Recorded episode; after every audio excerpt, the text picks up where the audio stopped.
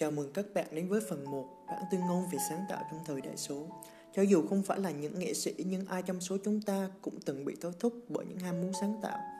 Đó là tạo ra những dấu ấn riêng của mình trong công việc đang đảm trách, từ một người bán hàng cho đến một nhân viên công sở, từ một người công nhân cho đến một kỹ sư việc tạo ra dấu ấn không phải là để được vinh danh, được nổi tiếng, mà điều chúng ta mong mỏi nhất là nhìn thấy thành quả sáng tạo của mình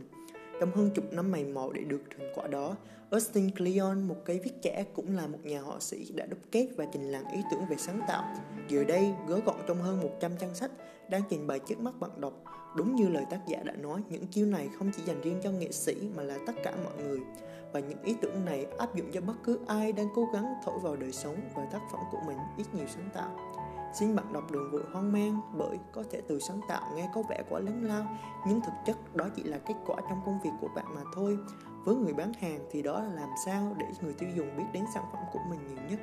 Với nhân viên công sở là làm sao để trong 8 giờ vàng ngọc nơi bàn giấy giải quyết được công việc hiệu quả nhất. Thật là thú vị khi chúng ta ngộ ra rằng sáng tạo mỗi ngày trong quá trình làm việc và chân tướng sáng tạo lộ ra thật đáng kinh ngạc, từ trôm chĩa đến không có gì là nguyên thủy. Chúng tôi hy vọng việc xuất bản cuốn sách này sẽ mang đến cho các bạn không chỉ những mẹo mực để khiến công việc hiệu quả hơn mà còn khiến các bạn hứng thú với công việc, kết nối tốt hơn với bạn bè và giảm bớt căng thẳng trong đời sống. Chúng tôi cũng mong muốn truyền đến bạn đọc thông điệp của Austin Kleon rằng bạn không cần phải là một thiên tài, chỉ cần bạn được là chính mình. Và Still Like an Artist với ấn bản tiếng Việt mang tựa đề Ai cũng là nghệ sĩ vốn được coi là bản tuyên ngôn về sáng tạo trong thời đại số cũng được dịch ra 15 thứ tiếng thu hút hàng triệu độc giả trên thế giới sẽ là một cuốn cẩm nang chi tiết với những thông điệp rõ ràng, những hình ảnh minh họa sống động.